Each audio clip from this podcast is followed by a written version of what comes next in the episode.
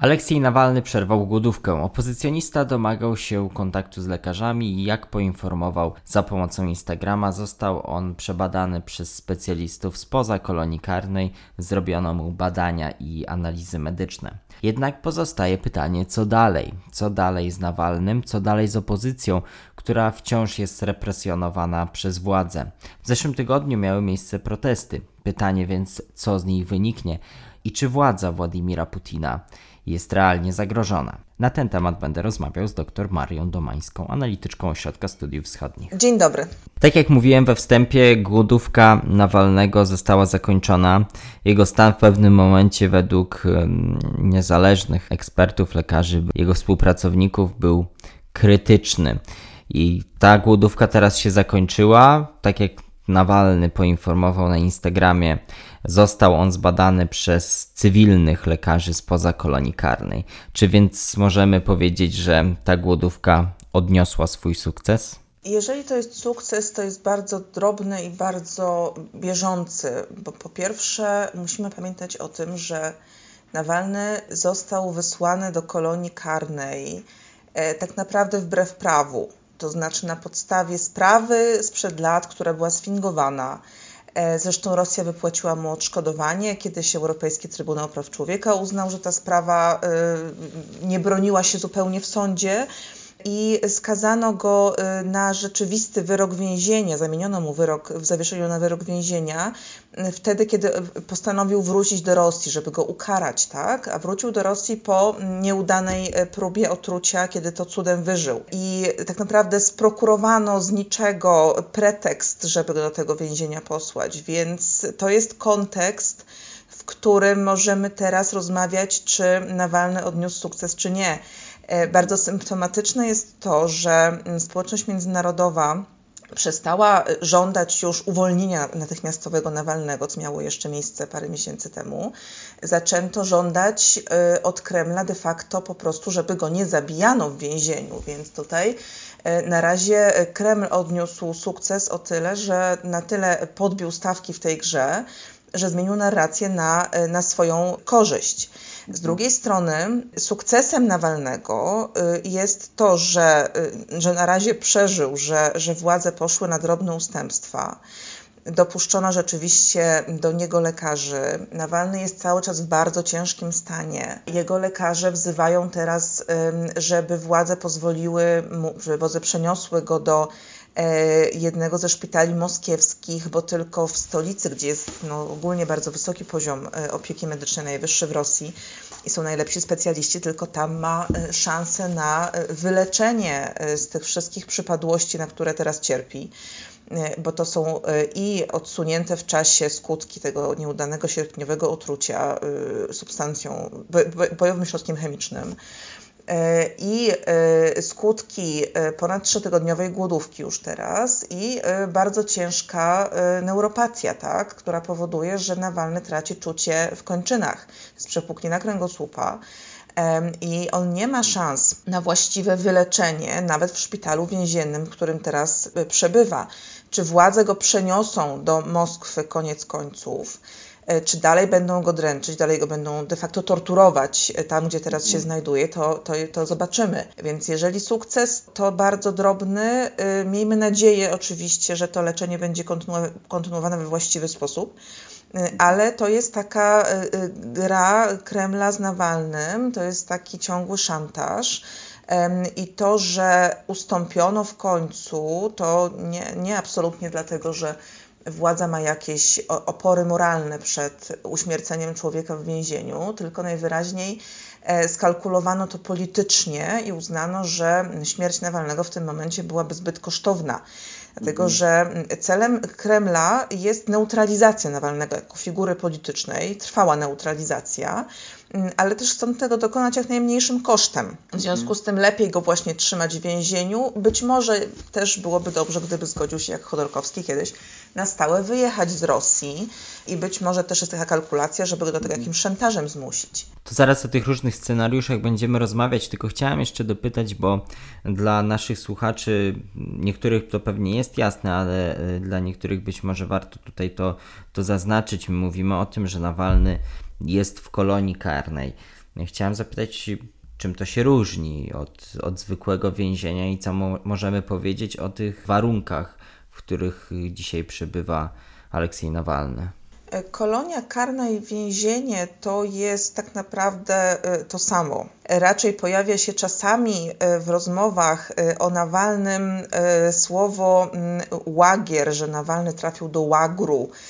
To jest trochę nieadekwatne, dlatego że jednak mimo tego, że system więziennictwa rosyjski odliczył sporo cech gułagu, E, to jednak jest to zupełnie inna rzeczywistość niż ta, która nam się kojarzy z, ze słowem łagier. Więc kolonia karna to jest de facto więzienie, tylko tutaj jest taki niuans, że to trochę inaczej wygląda niż na przykład więzienie w Polsce bo to są tak naprawdę mm, skupiska baraków wieloosobowych w oddaleniu od miast na ogół. Nie tak nasze więzienia wyglądają. Dlatego też, jak mówimy o kolonii karnej, to właśnie mówimy bardziej o takim systemie, że więźniowie mieszkają, przebywają nie w celach, tylko, tylko y, w barakach. Ale rzeczywiście rosyjskie więzienia to jest bardzo ciekawy temat i to jest, y, i, i to jest tak naprawdę mm, państwo w państwie, to jest osobny świat. To jest też ważna część część całej tej represyjnej, autorytarnej machiny państwowej, która ma, która ma służyć e, utrzymywaniu nad społeczeństwem kontroli. E, powiem, e, powiem tylko tyle, że Rosja ma, zajmuje czwarte miejsce na świecie, jeżeli chodzi o liczbę uwięzionych, to jest teraz około pół miliona. Służba więzienna ma budżet większy, rosyjska służba więzienna, niż jakiekolwiek inne państwo w Europie. Natomiast o standardach, bo to jest może ważniejsze nawet niż liczby, fatalne są standardy przetrzymywania więźniów w rosyjskich y, aresztach i koloniach karnych.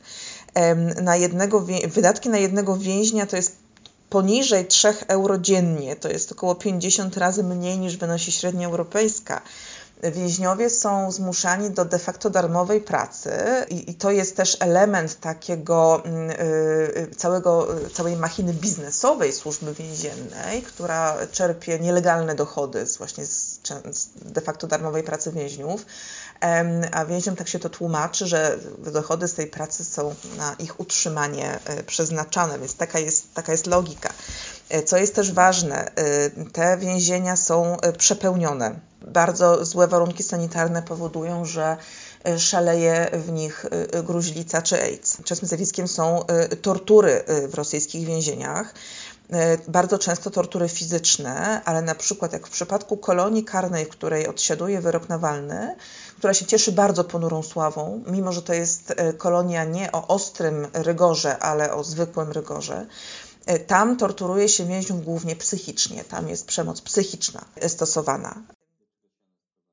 No na przykład do tego, że zmusza się więźniów do wielogodzinnego przebywania dokładnie w tej samej pozycji, na przykład stojąc z rękami za plecami, ze spuszczoną głową, e, że za przewinienia typu niezapięty górny guzik, E, daje się nagany, e, za byle co się wtrąca do karceru, a to potem się składa na przykład na to, że ileś takich upomnień za byle co e, sprawia, że więzień nie może się starać o przedterminowe zwolnienie. Różne tego typu, różne tego typu szykany. Nad rosyjską służbą więzienną, nad więzieniami nie ma właściwie żadnej efektywnej kontroli z zewnątrz. Jest taka instytucja, która się nazywa Społeczne Komisje Nadzoru w których do pewnego momentu rzeczywiście mm, członkami których byli e, obrońcy praw człowieka, e, prawnicy, którzy regularnie jeździli po rosyjskich więzieniach i sprawdzali, e, w jakich warunkach są przetrzymywani więźniowie, zbierali skargi od więźniów. Była to namiastka jakiejś rzeczywiście kontroli społecznej. Od kilku lat wyraźnym zjawiskiem jest to, że wypycha się y, niezależnych y, członków z tych komisji, wypycha się obrońców praw człowieka, prawników, natomiast coraz częściej powołuje się do komisji byłych funkcjonariuszy służby więziennej, którzy kontrolują swoich kolegów. To jest, y, to jest najświeższy stan rzeczy. Też mhm. często do więźniów się nie dopuszcza adwokatów. To może bardziej widać w aresztach niż, niż w samych koloniach karnych, ale i tu i tu jest to ogromny problem, że że tak naprawdę więzień jest pozbawiony pełnej pomocy prawnej, bo na przykład też Bardzo częste jest, że podczas rozmowy więźnia z adwokatem jest obecny funkcjonariusz służby więziennej, który nie pozwala po prostu porozmawiać, który czasami przerywa rozmowę, który mówi co wolno, czego nie wolno. Myślę, że do systemu więziennictwa jeszcze będziemy wracać i przygotujemy na ten temat materiał, może materiał filmowy, bo temat jest bardzo ciekawy i bardzo rozbudowany.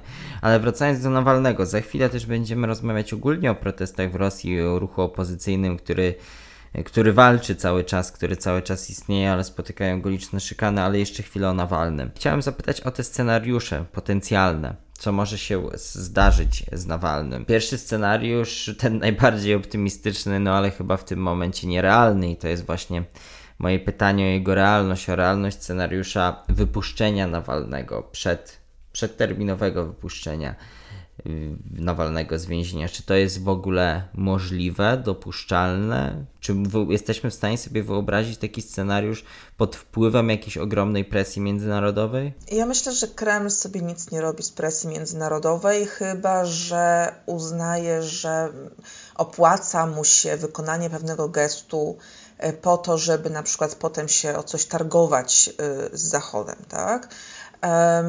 Myślę, że jedyną opcją, to też stoi pod znakiem zapytania, żeby wypuścić Nawalnego z więzienia, e, jest, jak już wspominałam, zmuszenie go do e, e, emigracji z Rosji e, na stałe, bez prawa powrotu. Tak? To jest, to jest dokładnie... możliwe? On się na to zgodzi?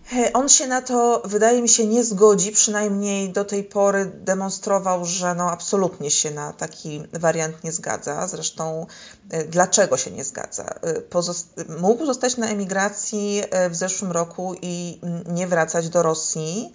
Zresztą to mu kilka osób doradzało, wiedząc, co go może w Rosji spotkać. Natomiast Nawalny ma bardzo jasny cel. On chce zdobyć w Rosji władzę, w dłuższej oczywiście perspektywie. On chce być e, tym, który zmieni Rosję, który doprowadzi do przemian, który zmieni myślenie rosyjskiego społeczeństwa, który pokaże alternatywę polityczną wobec reżimu putinowskiego.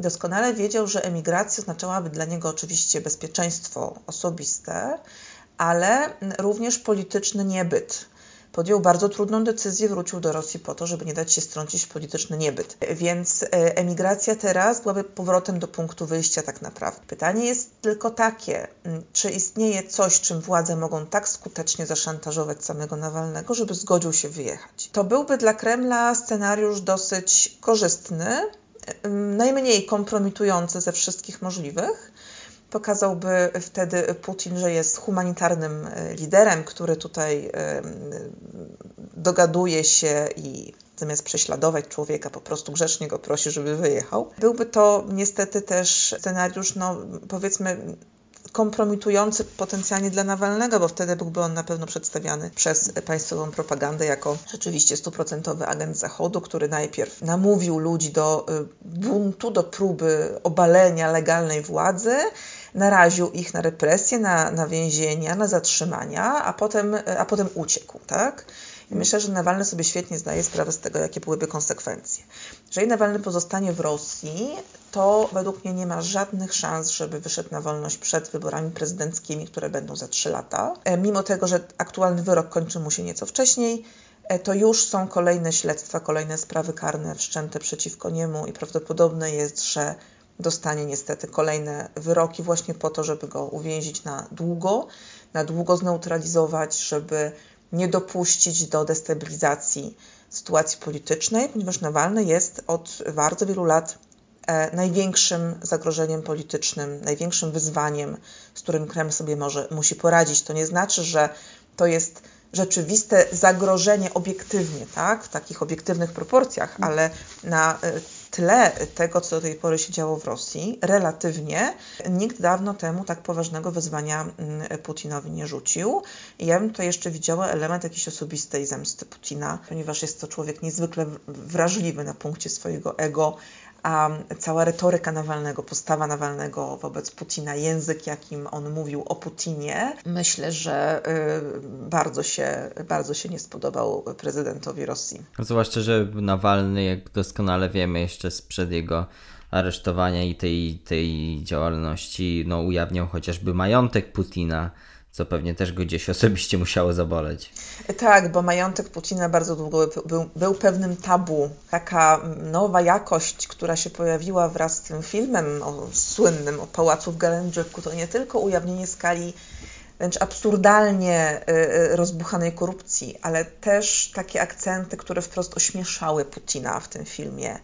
E, I to myślę, że mogło dużo bardziej zaboleć niż sama, niż sama skala korupcji. Nawet ta miniatura, grafika promująca ten film, jedna chyba z grafik, nie pamiętam czy była główna, to główną miniaturą, że gdzie Putin jest jakby wmontowany w bycie w spa i takie tak, tak. To zresztą, zresztą on w ogóle pokazał w tym filmie Putina jako takiego mm, wyrośniętego chłopca, który ciągle ma kompleks małego leningradzkiego chuligana, e, wychowanego w bardzo biednej rodzinie, który potem wyjechał, e, wyjechał do NRD, jak wiemy, do rezydentury KGB i tam e, gromadził różne zachodnie gadżety, które były niedostępne w Związku Radzieckim, a potem zaczął gromadzić zamiast gadżetów pałace, jak już został prezydentem.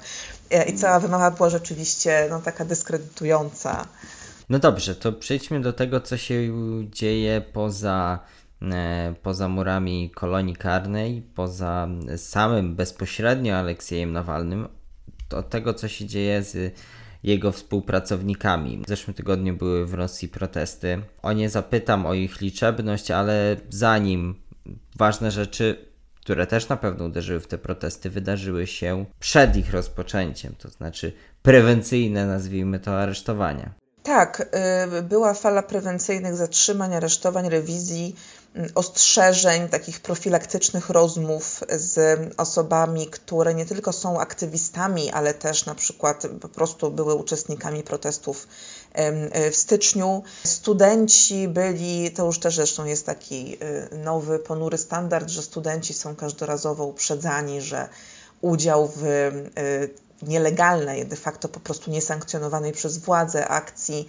może grozić relegowaniem z uczelni. Tu też bardzo, to jest taka rosyjska specyfika, infantylizowanie dorosłych ludzi, którzy uczą się na uniwersytetach. Też y, ważne było to, że przed tą, tym protestem wyciekły dane osób, które mm, na wezwanie współpracowników Nawalnego wcześniej się rejestrowały jako chętne do wzięcia udziału w proteście, bo mm, pierwotna idea była taka, że będzie mm, jakiś protest wiosną w obronie Nawalnego, Natomiast będzie on ogłoszony dopiero wtedy, kiedy y, y, w internecie zbierze się pół miliona deklaracji uczestnictwa. I rzeczywiście ludzi, rzeczywiście niewiele brakowało, bo tam było 400 y, kilkadziesiąt tysięcy. Ludzie podawali tylko swoje adresy mailowe i lokalizację tak ograniczoną do, do budynku mieszkalnego. Tam nie było żadnych bardziej osobistych danych.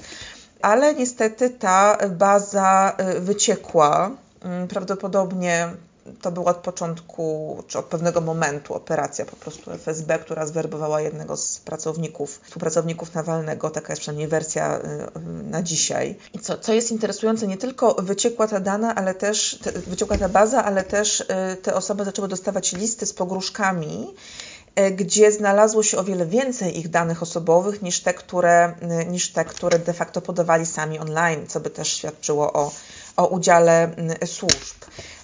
No i ostatnia rzecz, która, y, która była takim y, elementem tej taktyki zastraszania, to jest wniosek prokuratury moskiewskiej z połowy kwietnia o uznanie struktur Nawalnego, czyli Fundacji Walki z Korupcją, Fundacji Obrony Praw Obywatelskich i sztabów regionalnych za organizacje ekstremistyczne. Z czym to się wiąże? To jest bardzo, e, bardzo poważny instrument represji politycznych, dlatego że jeżeli e, sąd uzna te organizacje za ekstremistyczne, a dzisiaj jest pierwsze posiedzenie e, sądu, zresztą już sąd e, tak prewencyjnie, taki, taki środek zapobiegawczy wprowadził, że e, zawiesił działalność sztabów regionalnych aż do ogłoszenia wyroku i niewykluczone, że obie fundacje też będą dotknięte takim, takim zapobiegawczym środkiem. To jest bardzo poważny instrument, dlatego że e, ekstremizm to jest jedno z, no, z najcięższych przestępstw w Rosji. Jeżeli e, organizacja jest uznana za ekstremistyczną, to kierownictwu takiej organizacji może grozić kara nawet do 10 lat e, więzienia. Udział w działalności organizacji to jest kara do 6 lat więzienia, finansowanie do 8 lat więzienia. Poza tym każda forma, jakakolwiek forma wsparcia działalności takiej organizacji e, grozi wpisaniem e, danej osoby na listę ekstremistów, przy czym ciekawe, że to się odbywa bez wyroku sądu. E, to oznacza blokadę kont bankowych. To oznacza, że taka osoba e, ma prawo do korzystania zaledwie tam z około 130 dolarów miesięcznie na osobę w rodzinie, na wydatki, reszta środków jest po prostu zablokowana. Też nie można się posługiwać w żaden sposób symboliką organizacji ekstremistycznej. Wszelkie wzmianki o takiej organizacji, o materiałach, które e, przygotowuje, wymagają wspomnienia w cytującym je medium, że to jest właśnie organizacja ekstremistyczna. Co jest też y, interesujące, na to wskazuje praktyka dotychczasowa stosowania przepisów o ekstremizmie. Te przepisy są nie tylko szeroko interpretowane, ale też y, stosowane czasami wręcz wstecz. Były takie przypadki kiedy ktoś został skazany na, na, na, więzienie, na kilka lat więzienia za wsparcie dla organizacji, która dopiero później została uznana za ekstremistyczną. Bardzo ciekawa mm, y, sprawa jest y, taka, że w strategii, no znamy narrację władz. Narracja władz jest taka, że oczywiście wszyscy, którzy jak nawalniści właśnie organizują niesankcjonowane protesty, to są wrogowie narodu i państwa rosyjskiego. Y, ale y, ta narracja została też odzwierciedlona w pewien sposób w dokumencie y, w strategii przeciwdziałania ekstremizmowi, gdzie do naj, najważniejszych zagrożeń ekstremistycznych zaliczono właśnie wprost organizację niesankcjonowanych akcji, tam potem po przecinku są masowe rozruchy i po przecinku są zamachy terrorystyczne, więc to już nawet y, zostało odzwierciedlone w y, dokumentach przyjmowanych przez, przez rosyjskie y, władze.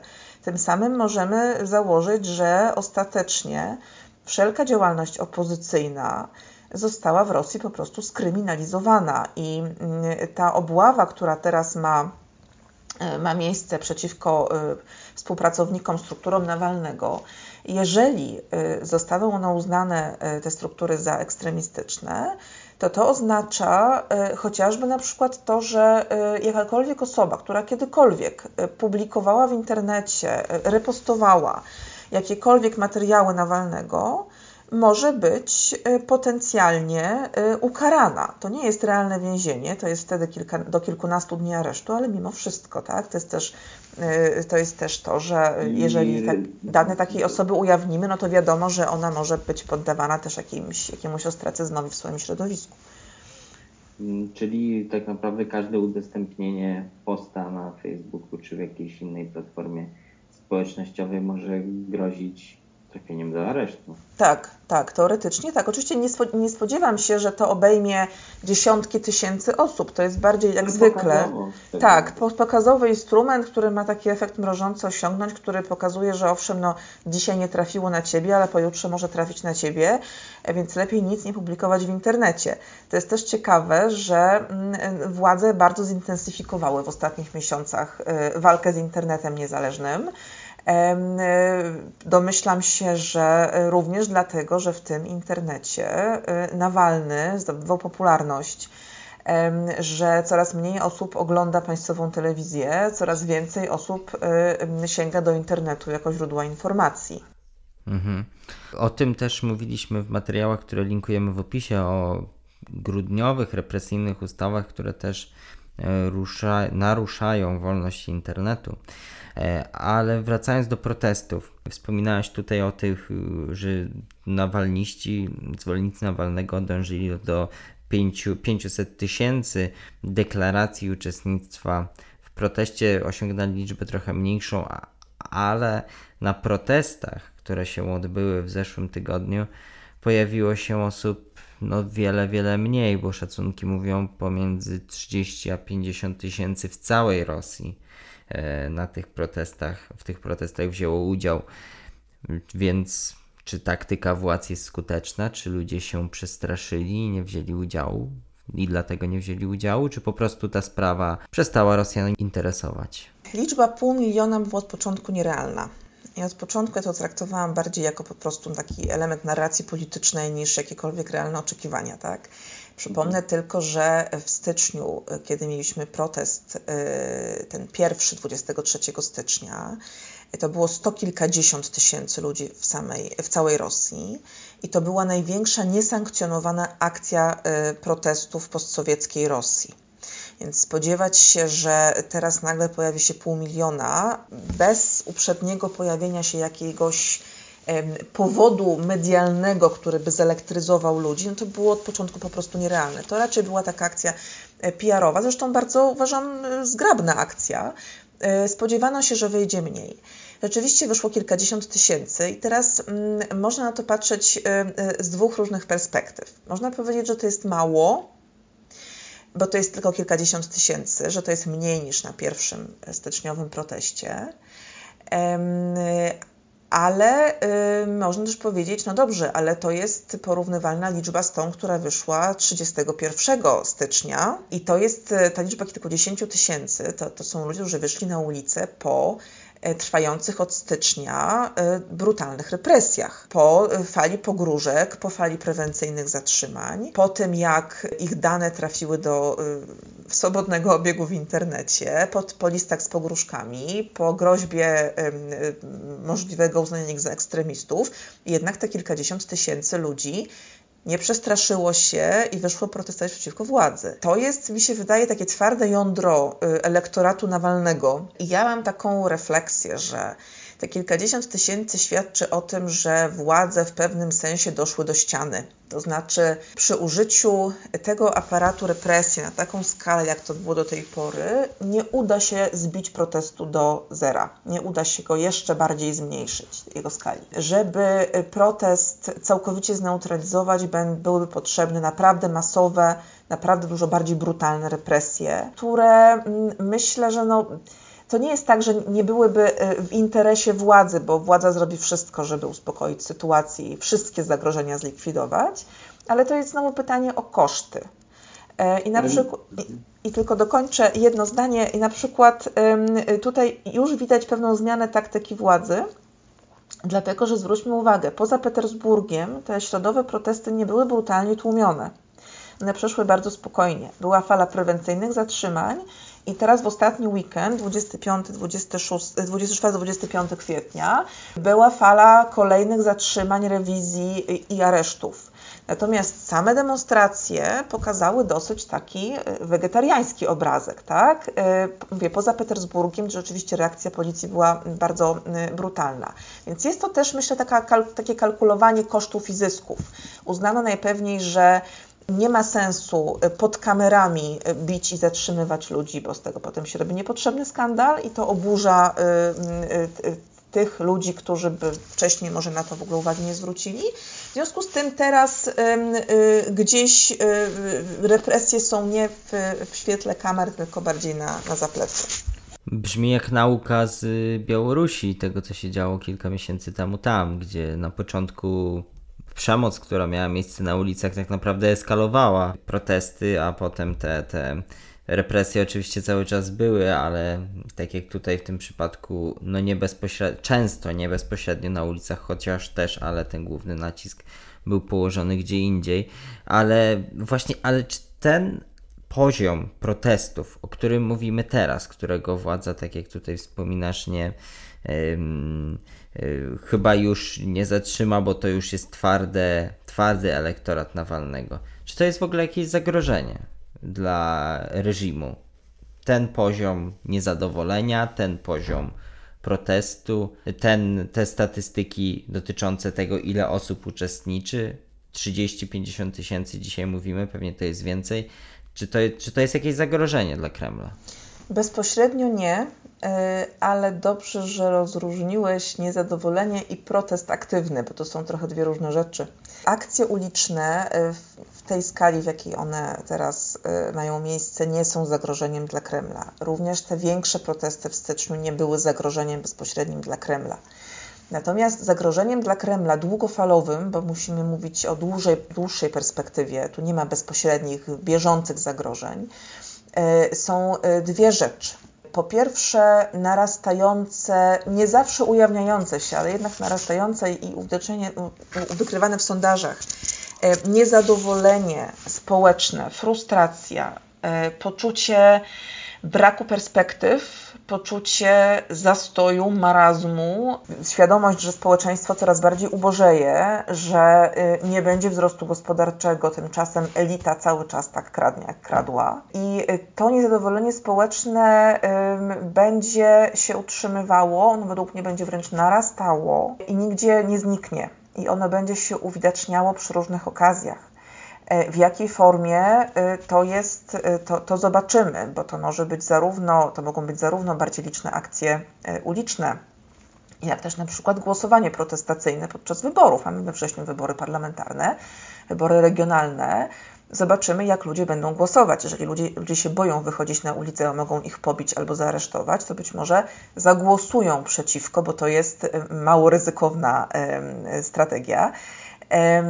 A im więcej głosów przeciwko, tym trudniej bezproblemowo takie wybory y, sfałszować. Drugi czynnik, który zagraża Kremlowi w dłuższej perspektywie, to jest utrzymywanie się tematyki opozycyjnej w sferze informacyjnej. W tym momencie mówimy o, o internecie, tak jak powiedziałam. E, I wróćmy może też na chwilę do tego, czy Nawalny odnosi sukces. Myślę, że sukcesem Nawalnego, miarą tego sukcesu, ograniczonego oczywiście, ale jednak sukcesu, jest to, że Nawalny cały czas pozostaje ważnym tematem w sferze informacyjnej, nie tylko za granicą, ale też w Rosji. I to będzie działało na niekorzyść Kremla w dłuższej perspektywie, bo wszystkie takie trendy, mm, y, które są może nieefektowne, y, widoczne tylko dla socjologów, to, to się nie, nie mm, uwidacznia w kolejnych dziesiątkach tysięcy na ulicach, ale te wszystkie długie trendy, te głębokie trendy będą działały na niekorzyść Kremla. Znowu do tego dążę, czy te zagrożenie, te niezadowolenie, czy to, co teraz obserwujemy w Rosji, jest większe to niezadowolenie niż było 5 czy 10 lat temu. Czy ono narasta, narasta, narasta, a w tym momencie pojawił się nowy lider, nowe stronnictwo polityczne, które może gdzieś te głosy skumulować w jakimś stopniu, skumulować, być ich beneficjentem. Za ileś lat, tak? Dzisiaj, yy, dzisiaj jeszcze nie. E, potencjał niezadowolenia stopniowo rośnie. Jeżeli mówimy o tym, co było na przykład dekadę temu w Rosji, to to była inna Rosja E, inne przyczyny niezadowolenia. Trudno to, trudno to porównywać. Dzisiaj sytuacja jest taka, że niezadowolenie e, rośnie po latach represji, po latach kolejnych, przyjmowania kolejnych represyjnych ustaw, po latach pokazowych rozpraw z kolejnymi środowiskami opozycyjnymi, z aktywistami, z NGO-sami po y, latach narracji, która miała zapewnić Kremlowi pełną stabilność, czyli takiej narracji wielkomocarstwowej, y, narracji o zachodnim spisku, o oblężonej twierdzy, to wszystko miało zmobilizować społeczeństwo wokół y, władzy, wokół flagi, tak? To się udaje na bardzo ograniczoną skalę, dlatego że mm, dorasta młode pokolenie, bo to ono zdecyduje za jakiś czas o tym, w którą stronę pójdzie Rosja. E, star najstarsze pokolenie jest bardzo konserwatywne, bardzo, bardzo proputinowskie. Młode pokolenie, i to jest ciekawe, bo jeszcze kilka lat temu było zupełnie inaczej, młode pokolenie jest w rosnącym stopniu antyputinowskie. Jak sobie porównamy wyniki sondaży wśród młodych i wśród najstarszych, to widać coraz wyraźniejszą polaryzację. Czyli znowu wydaje się, że czas będzie mm, działał na niekorzyść Kremla. Natomiast czy beneficjentem tej stopniowej krystalizacji jakiegoś protestu, oporu, postaw antykremlowskich, czy beneficjentem będzie Nawalny, to jest pytanie otwarte dlatego że mm, z jednej strony, owszem, jest to, myślę, najlepszy lider opozycyjny od bardzo wielu lat w Rosji. Z charyzmą, który rzeczywiście potrafił stworzyć no, ogólnorosyjską sieć swoich struktur w warunkach tak, takich, w jakich, w jakich funkcjonowało to wszystko od samego początku, czyli w warunkach autorytaryzmu. Jest w stanie porywać ludzi swoją y, retoryką, sposobem bycia, y, bardzo profesjonalnie przygotowywanymi materiałami y, krytycznymi wobec, wobec Kremla. Natomiast jest to też postać, y, na którą ciągle znaczna część opozycji patrzy podejrzliwie, y, który nie może się przebić powyżej kilkunastu do maksymalnie 20% poparcia wśród y, respondentów w sondażach na przykład który ma bardzo wysoki antyrating, bo to jest ponad połowa Rosjan, którzy deklarują w sondażach, że, że nie akceptują Nawalnego tłumaczony jest ten wysoki antyrating e, czymś, co w sumie jest pozytywne bardzo, ale działa akurat tutaj negatywnie. To znaczy, Nawalny wyciąga Rosjan ze strefy komfortu a przeciętny obywatel tego nie lubi. Nawalny mówi o problemach, o których Rosjanie e, świetnie wiedzą, bo wiedzą na przykład, że jest ogromna korupcja w Rosji mówi im o tym, jednocześnie wzywa do działania, a człowiek jest pogrążony w swoich codziennych sprawach, walczy codziennie o przetrwanie, bo ma coraz mniej pieniędzy, wszystko bardzo drożeje i, i ogólnie coraz ciężej się żyje. E, Rosjanin nie wierzy w swoją sprawczość, nie wierzy w sens oporu przeciwko władzy, tym bardziej, że władza przez lata skutecznie udowodniała, czym ten opór się może skończyć. W związku z tym Nawalny bardziej często drażni ale znowu moja przywrotna teza jest taka, że dzisiaj on drażni, ale kiedy pojawi się jakaś perspektywa mm, realnych przemian, to mm, to samo może zadziałać na jego korzyść, czy na korzyść kogokolwiek innego, kto będzie w stanie też nieść ten, e, mówiąc patetycznie, sztandar przemian, tak? Wspólnie z Nawalnym, e, obok Nawalnego, zamiast Nawalnego, e, bo, bo opozycja rosyjska to nie jest tylko Nawalny. Opozycja to są, to są struktury, które, które powstały w całej Rosji oddolnie, na styku polityki, działalności obywatelskiej. To są też, to są też wszystkie NGOsy na przykład, które działają na rzecz obrony praw człowieka w każdym możliwym wymiarze, są traktowane przez władzę jako opozycja polityczna niesłusznie też prześladowane. Natomiast wbrew tym wszystkim represjom te struktury e, rzeczywiście trwają, trwają, przyciągają młodych ludzi, przyciągają kolejne osoby, które y, uważają, że mają obowiązek wręcz walczyć o, o lepszą Rosję. Y, więc to, to tak wygląda. Ja myślę, że kiedy pojawi się okno możliwości, tak to nazwijmy, a takim oknem możliwości będzie y, najpewniej dopiero sukcesja władzy po Putinie. Kiedy ona nastąpi, to trudno to przewidywać dzisiaj, ale w takim oknie możliwości przypuszczam, że pojawi się, nagle objawi się cały ten y, potencjał y, aktywizmu społecznego i wtedy rzeczywiście y, będzie szansa, żeby też elektorat ten do tej pory bierny czy, czy przeciwny Nawalnemu inaczej spojrzał na Nawalnego, na resztę opozycji, na, na perspektywy, jakie, jakie Rosja przed sobą ma. Zwłaszcza, że ten pobyt w więzieniu może Nawalnego uświęcić w pewnym stopniu, bo jak spojrzymy na historię przemian w różnych krajach i liderów tych przemian, no to myślę, że zdecydowana większość od chociażby Nelsona Mandeli po, po przywódców także w bloku komunistycznym miała swoją historię w więzieniu, która i swoją własną prywatną historię represji, która te osoby uwiarygadniała jeszcze bardziej i też w pewien sposób uświęcała je jako symbole. Tak, zgadzam się zdecydowanie tak. Nawalny y, zwycięża moralnie póki co. I, rzeczywiście y, y, ci najsłynniejsi liderzy, czy dysydenci, czy opozycjoniści mieli często przed sobą taki właśnie wybór, jaki miał Nawalny, czy, czy bezpieczeństwo, czy, czy dalsza walka polityczna. Niektórzy z nich przegrali, ale niektórzy wygrali tę walkę, niektórzy zostali przywódcami swoich państw. I rzeczywiście ten epizod moralnej walki o pewne pryncypia e, działał wyłącznie na ich korzyść w oczach e, szerszej publiczności. Więc tutaj w tym momencie postawimy kropkę. Dużo pytań otwartych, dużo wątków do śledzenia, a najlepszym sposobem oczywiście, żeby śledzić te, te wątki jest e, czytanie naszych publikacji, czytanie naszych analiz na osw.waw.pl E, tam wszystkie materiały potrzebne do trzymania ręki na pulsie tego, co dzieje się w Rosji. Także zapraszam do subskrybowania naszego kanału podcastowego. Wkrótce kolejne materiały z Rosji, ale nie tylko. Będziemy innymi rozmawiać wkrótce o tureckiej polityce zagranicznej i tutaj także wątki rosyjskie bardzo ciekawe się z pewnością pojawią.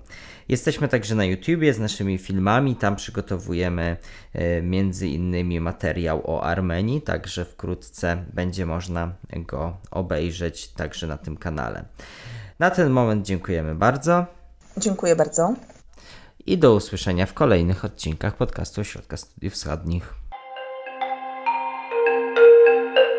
Wysłuchali Państwo podcastu Ośrodka Studiów Wschodnich. Więcej nagrań można znaleźć na stronie www.osw.waw.pl.